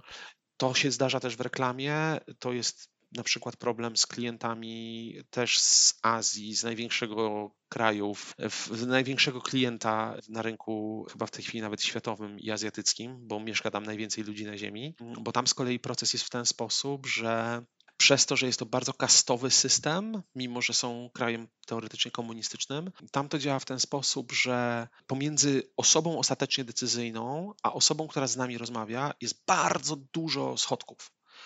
I żaden schodek nie puści rzeczy wyżej, dopóki nie będzie w 100% pewny, że to jest to, co ten schodek wyżej chce zobaczyć. I efekt jest taki, że robimy właśnie reklamę, nie wiem, właśnie na rok byka, słonia, małpy, truskawki, czegokolwiek. Robimy reklamę dla producenta kosmetyków i zaczyna się dyskusja na temat tego, że w zasadzie domagacie się od nas prawie że skończonej reklamy, w momencie, kiedy powinniśmy teraz zaakceptować animację, jak leci element przez kadr. Tutaj się nic nie animuje, nie ma żadnej animacji postaci, ale my musimy wiedzieć, gdzie jest kamera, zanim zaczniemy to świecić, tak? Bo inaczej będzie wyglądać świecenie w kadrze, jeżeli kamera patrzy na tę stronę świata, a inaczej, jeżeli patrzy na tę stronę świata.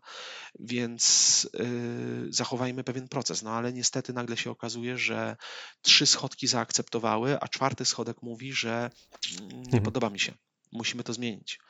No i tutaj jest właśnie kwestia zabezpieczenia ze strony firmy, bo jako artyści my robimy to, co nam się każe, tak? Jakby dla mnie to nie jest problem. Jeżeli chcesz, to kamera może być do góry nogami w ogóle tył naprzód i projekt zamiast właśnie robota możemy zrobić Bernardyna, zamiast Bernardyna możemy zrobić y, papaję, futro może być różowe, zielone w ciapki, tylko ktoś musi za to zapłacić.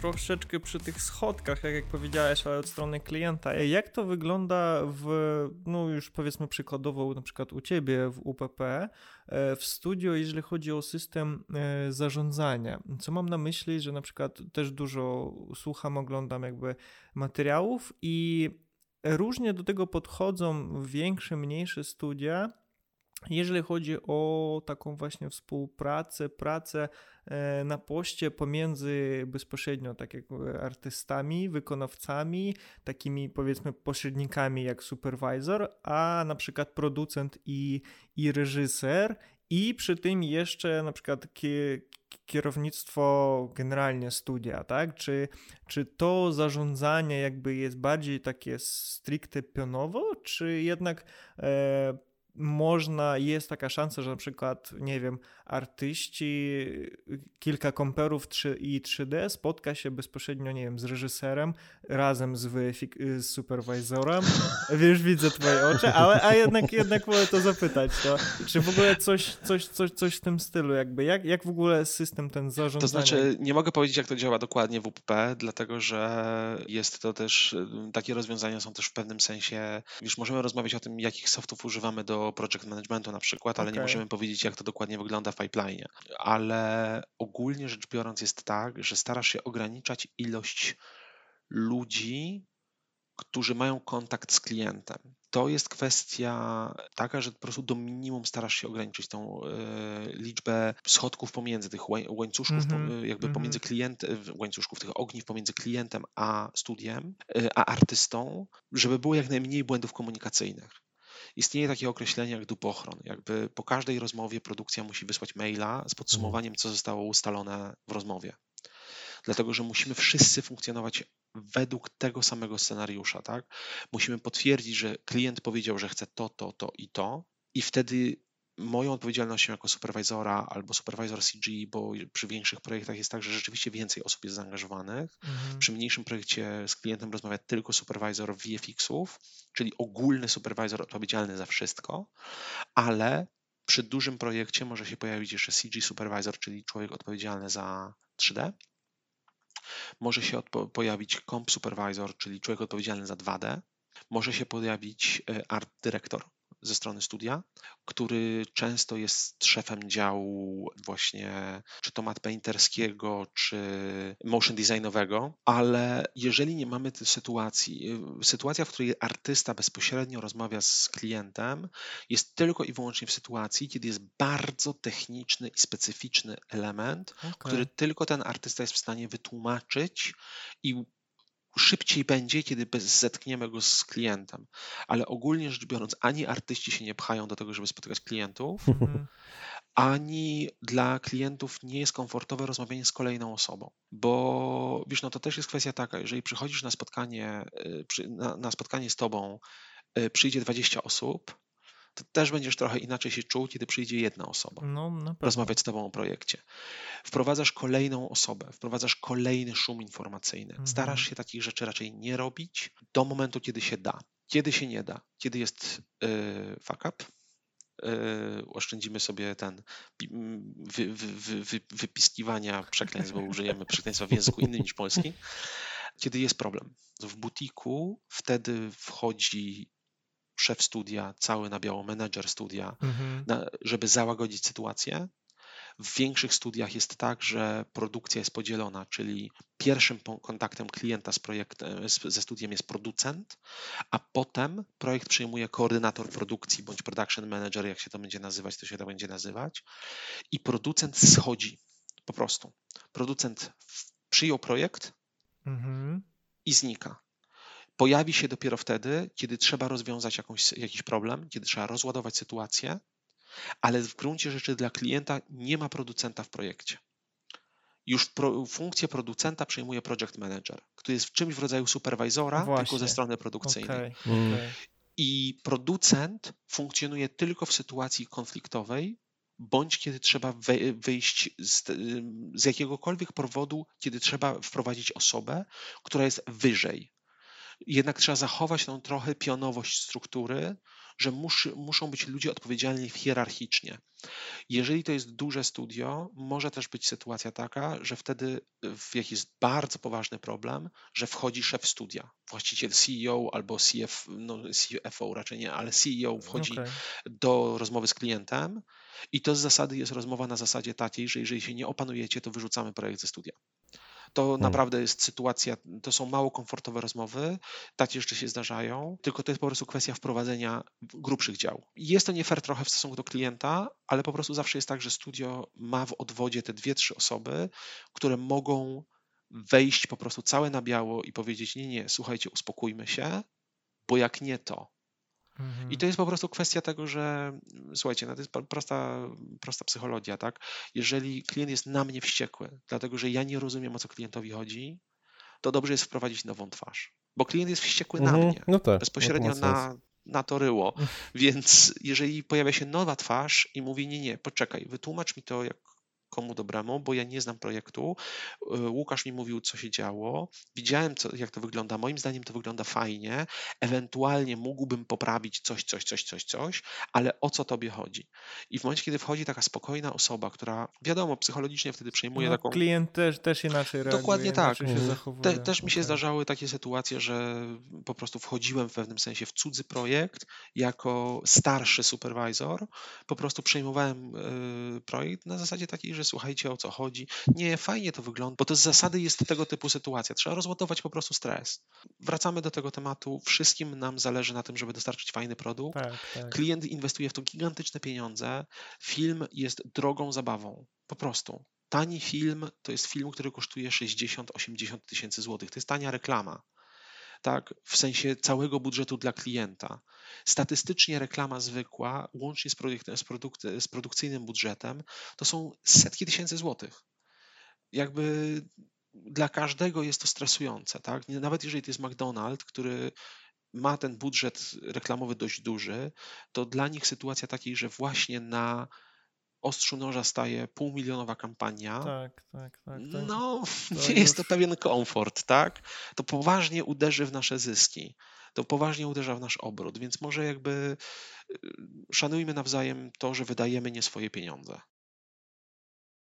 Y, słuchaj, Łukasz, a ty jako ten y, VFX supervisor prowadzisz jednorazowo jeden projekt, czy prowadzisz kilka projektów jednocześnie? Y, kilka projektów jednocześnie. W zasadzie w większości firm działa to trochę na takiej zasadzie, że jest to trochę na zasadzie takiej jeden więcej niż jest twoja granica wytrzymałości. To, to dobra, to w takim razie jak jesteś w stanie pogodzić te projekty? No bo każdy projekt to taki trochę osobny potwór, nie? Który, który żyje własnym tak, życiem troszeczkę. tylko zawsze się to dzieje w czasie, tak? We wtorek robimy paszteciki, a w środę będziemy robić sklep ze sprzętem RTV. E, Musisz w jakiś sposób zarządzać pracą. No to jest fabryka, która wypluwa z siebie kilkanaście różnych produktów na raz. Musisz zarządzać swoim czasem, musisz zarządzać czasem artystów, ale też w pewnym sensie akomodujesz to przy, przy budżetowaniu czasu. To jest to, mm. wracamy do tej rozmowy na temat tego, że czas też jest zasobem, że jeżeli mam do wykonania zadanie, to w środę będę robił VIP dla klienta,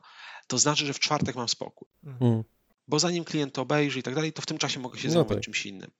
Więc jeżeli, nie wiem, drugi supervisor, który siedzi ze mną w pokoju, ma problem i ma albo delivery, albo VIPa jutro, a ja mam za tydzień, to ja mu udostępnię swoje zasoby. Jakby spoko, bierz ludzi, ja sobie to poprzestawiam, ja mam czas na to, żeby wysłać maila do klienta i powiedzieć, słuchajcie, musimy swój VIP przesunąć o jeden dzień, bo coś się wydarzyło, tak? Tragedia się wydarzyła wielkopomna, trzeba naściemniać po A prostu. Czym jest, czym jest VIP? Bo ja dobrze... E, working progress, przepraszam. Aha, e, okay. Working progress. To tego nie wiedziałem. Tak, bo jakby wysyłamy jakby etapy, etapy okay. projektów. No, Zawsze jest tak, że trzeba wysłać coś do akceptacji i dopóki nie jest to zaakceptowane, to jest to VIP. E, ogólnie rzecz biorąc, nie używamy w nazwach filmów final, accept ani takich rzeczy, dopóki nie mamy w mailu napisane, że to jest zaakceptowane. Po prostu. Tak, tak. Bo... To jest dobra praktyka. Finał render, wersja tak. 3.2.1. Tak, tak, tak. tak, finał, tak. Finał, Zawsze wersja Może w końcu the end, final 3.2.1. Tak, dokładnie. Jest tylko wersja 1, 2, 3, 4, 5, 6, 7, 8, 9, 10. Dlatego wersja najlepiej mieć trzycyfrowe. Mm-hmm. Czyli jest wersja 001. W ogóle wers, to możemy mm, też o tym porozmawiać. Ja nie jestem zwolennikiem używania wersji w tym, co się wysyła do klienta, jeżeli to nie są rzeczywiście wersje, które się czymś różnią. Dla mnie to są numery renderów, więc dla, ja to no. akurat zawsze nazywam R1, R2, R3, R4, Aha, okay. bo wersja to jest wersja. Poza tym w filmie reklamowym często masz wersję montażu albo wersję produktu. Więc może się okazać, że film wersja 1 A, jest techniczną nazwą Po tak, prostu tak, jest kilka, są kilka wersji, tak. które między sobą się różnią. Dokładnie, ale, ale... bo jest pasztecik V1, V2, V3 okay. i to są trzy różne montaże, okay. które mają mieć różne na przykład pakszoty. Mm -hmm, Więc mm -hmm. żeby nie multiplikować tych nazw, dobrze jest używać określenia R i wtedy wiadomo, że to jest render. To jest render pierwszy z danego dnia. Zawsze używamy 2020, E, podłoga 10, podłoga 02 mhm, mhm. i zawsze żyjemy w świecie rok, miesiąc, dzień. Okay. Bo wtedy się to dobrze mm, układa w tym. W, w, listach. Dokładnie. Umieszczanie godzin jest już trochę zboczone, ale znam takiego reżysera, który e, wpisuje godziny. Że render jest z danej, z danej godziny. Oh ale on ma dość poważne problemy i od kiedy go znam, wysyłam go na terapię. Na szczęście nie mówi po polsku, więc nie będzie z nim problemu. Poza tym kochany człowiek, tylko po prostu uważa, że nazwa pliku, który ma mniej niż 350 znaków, to jest za mało. To jest po prostu tak, że musisz panować nad wersjami, musisz panować nad tym wszystkim, musisz panować nad czasem i też dajesz czas klientowi na odpowiedź. Jeżeli robisz fabułę, to też dodziała w ten sposób, że masz koniec tygodnia, na przykład y, w zależności od projektu, tak, co tydzień albo co dwa tygodnie robisz sit down z y, reżyserem, mhm czy na Frankim, czy na jakichś innych, czy na Frame.io, chociaż Frame.io od kiedy to Adobe kupiło przestało działać, ale jest tych rozwiązań Nie, no, kilka. Jakoś tam działa. Vimeo, cokolwiek, tak? Ale siadamy sobie, każdy przed swoim komputerkiem, albo zapraszamy y, reżysera do siebie, jeżeli jest taka możliwość no fizyczna. Tak, geograficznie, fizycznie. Dokładnie. Tak, tak, tak. I robimy odbiór ujęć Mhm. Bo nie ma sensu, żeby wysyłać reżyserowi jedno ujęcie, jak skończymy we wtorek, drugie w środę, trzecie w mhm. czwartek, potem w mhm. piątek nic nie wysyłamy i w poniedziałek wyślemy dwa. Wysyłajmy pakiety. Wysyłamy pakiety, wysyłamy pakiety w kontekście montażu, nie wysyłamy ujęć osobno, tylko z ujęciem z przodu, z ujęciem z tyłu, żeby reżyser mógł Konte zobaczyć. Kontekstowo. Tak, tak, kontekstowo to zobaczyć. Najlepiej jest w ogóle robić sekwencję. Nawet jeżeli sekwencja jest nieskończona, to po prostu wyrzucasz mu całą sekwencję i rozmawiamy o tym, że ujęcie trzecie, czwarte i siódme są zrobione, pozostałe jeszcze robimy, ale chcemy pracować na zasadzie sekwencji, bo te ujęcia będą funkcjonować w kontekście sekwencji. I odbiory robimy sobie co tydzień, co dwa tygodnie, tak? Reżyserowi wysyłamy rzeczy w piątek na przykład i umawiamy się, że w niedzielę wieczorem to niestety praca superwizora jest z zasady pracą, która jest mm, nieograniczona do pięciu dni w tygodniu. Staramy się artystów trzymać w pracy 5 dni w tygodniu, 8-10 godzin dziennie, w zależności od firmy, e, ale że artysta przychodzi na 10, wychodzi o 18, czy tam przychodzi na 9 i wychodzi o 18, bo jest godzina przerwy na lunch, ale jako supervisor ja muszę zapewnić artyście pracę w poniedziałek o 8 rano, kiedy przyjdzie, więc w niedzielę wieczorem muszę niestety odpębnić z reżyserem odbiór, wpisać wszystkie uwagi w soft, którego używamy do project managementu, żeby artysta, kiedy przyjdzie rano, po tym jak zrobi kawę sobie i zje uzupełniające śniadanie, bo przecież wtedy płacą mu za to, że pije kawę w pracy. Słuchajcie, to jest żadna tajemnica, że z 8 godzin dziennie produktywnie jesteśmy 4 do 6. No, no tak. Nic z tym nie zrobimy. Też piję kawę w pracy, a nie w domu. Ale moim obowiązkiem jest to, że rano artysta musi odpalić sobie F-Tracka czy Shotguna i widzi, co ma, jakie taski ma do zrobienia, czy Monday, czy Asana, czy cokolwiek y, używamy, Google Docsy. O 18 kończy pracę i w normalnych produkcjach, gdzie jest normalny timing, ja chciałbym o 16, 17 zacząć dostawać ujęcia z tego dnia, żeby móc do tej 18, 18.30 wszystko przejrzeć, wpisać komentarze we Tracka, że rano masz y, swoje taski, masz rzeczy rejected, czy tam back to artist, -hmm. jeżeli -hmm. firma -hmm. szanuje psychikę artystów, to to jest back to artist, jeżeli ma to w nosie, to to jest rejected. Mm, I musisz planować, jakby praca superwizora to jest praca administracyjna. Rzadko kiedy jest tak, że masz czas na to, że żeby robić ujęcia. No właśnie, jak mówili y, ten, będziesz, będziesz robił filmy, mówili oni i taki wiesz, wid, y, y, widok tak. przy tabliczkach z Excela, co nie? Dokładnie tak, no to jest niestety, słuchajcie, no to jest niestety taka prawda, której się też superwizorzy i lidzi muszą uczyć, że nieważne jak zarąbisty jesteś, 10 juniorów szybciej wykona zadanie niż ty. Mhm. Po prostu. Mm. Jeżeli mam do dyspozycji 20 osób i roz, dobrze rozplanuję pracę, to jestem w stanie netto wypluć więcej ujęć niż kiedy sam będę je robił. Mhm. Bo jeżeli widzę, że junior skończył swoje zadania, wysyłam to do mida, mid wykańcza, potem wykańcza to senior i na koniec tygodnia mam zrobionych 20 ujęć, a kiedy sam robię, mam zrobionych 10. Owszem, one są zrobione od razu do takiego standardu, którego oczekuję, ale netto ale mam jest ich mniej, mniej rzeczy zrobionych. Jest ich mniej. Tak, Dokładnie. Tak, tak, tak, bo ja się na czymś zacukam, bo ja się nagle stwierdzę, że bo coś się pomylę. Słuchajcie, no to jest znowu największy problem pracy, czy to trzydowca, czy kompera. Idziemy jedną ścieżką i trzeba się nauczyć tego, że jeżeli po 30 minutach nie wychodzi, to znaczy, że trzeba poszukać innej ścieżki. Mhm. Czasem to trwa pół dnia, to 30 minut trwa pół dnia, mhm. czasem trwa dzień. Czasem może się okazać, że po tygodniu rozwiązanie nie działa. Trzeba ujęcie zacząć robić od nowa. Ja przyznam, że ja też często wpadam w tą pułapkę, niestety. No to są, też mi się to zdarza jak najbardziej. To jest po prostu kwestia tego, że trzeba się nauczyć, ile pewne zadania powinny nam zajmować. Ale są zadania, które są niezrozumiałe, tak? Jakby nie, nie, nie, nie wiem, jak ile mi to zajmie, dopóki nie zacznę tego robić. Mhm. Symulacje bardziej skomplikowane, tego typu rzeczy, tak? Może się okazać, że Houdiniowiec stwierdzi, że kurde, wiesz co, zrobię tą simkę w, nie wiem, w dwa dni. I przychodzi do ciebie po dwóch dniach i mówi ci, wiesz co, kurde, ale w zasadzie nie mam nic do pokazania, dlatego że od dwóch dni próbuję rozkminić, jak, nie wiem, stworzyć emiter czy cokolwiek. I jakby mm, wtedy masz no. ten pierwszy moment pod tytułem jakby, czemu słyszę o tym dopiero teraz? A drugi temat jest taki, że jeżeli daję mu na to czas i mówię mu, stary, próbuj, to po tych dwóch dniach podchodzę do niego, biorę innego y, 3, y, symulanta, który jest na podobnym poziomie umiejętności albo lepszy i mówię, stary, jakbyś to, do tego podszedł, y, bo potrzebujemy świeżego spojrzenia i albo to rozwiążemy, albo nie i wtedy trzeba zrobić to od nowa. Albo może się okazać, że musimy nakręcić coś we własnym zakresie, trzeba zrobić jakieś plejty. Ja jestem dobrym komperem, ale nie jestem najlepszym trzydowcem na świecie. Nawet kiedy robię wycenę, wolę pójść, zapytać Mhm. chłopaka, który, z którym często współpracuję przy symulacjach i zapytać go, stary, wiesz co, mam taką dziwną rzecz do wy, wycenienia, muszę, musimy zrobić fajerwerki, które muszą zrobić pewną określoną rzecz. Moim zdaniem to jest prosta rzecz do zrobienia, ja bym to w ogóle zrobił w 2D, ale ponieważ musimy przez to przelecieć, to rzeczywiście szybciej będzie to zrobić w 3D. Ile ci to zajmie czasu? I wiem, że jeżeli on mi powie, że o, no, bo tutaj trzeba by to, tamto, 40 godzin będzie zrobione, to wiem, że 30 to jest mniej więcej tyle, ile on tak naprawdę potrzebuje, tylko trzeba mu wytłumaczyć, żeby nie eksperymentował, tak?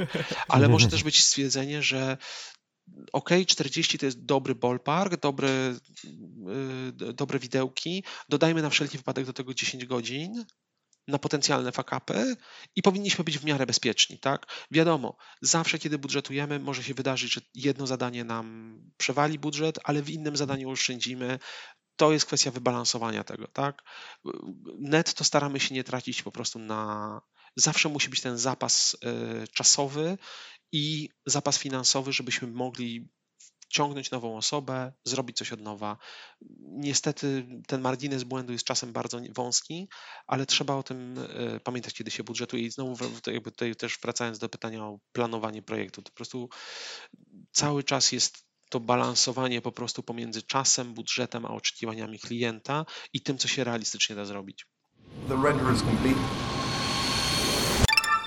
I na tym zakończymy pierwszą część naszej rozmowy z Łukaszem, która wyszła na tyle wypełniona informacjami i różnymi historiami, że postanowiliśmy podzielić ją na dwa odcinki.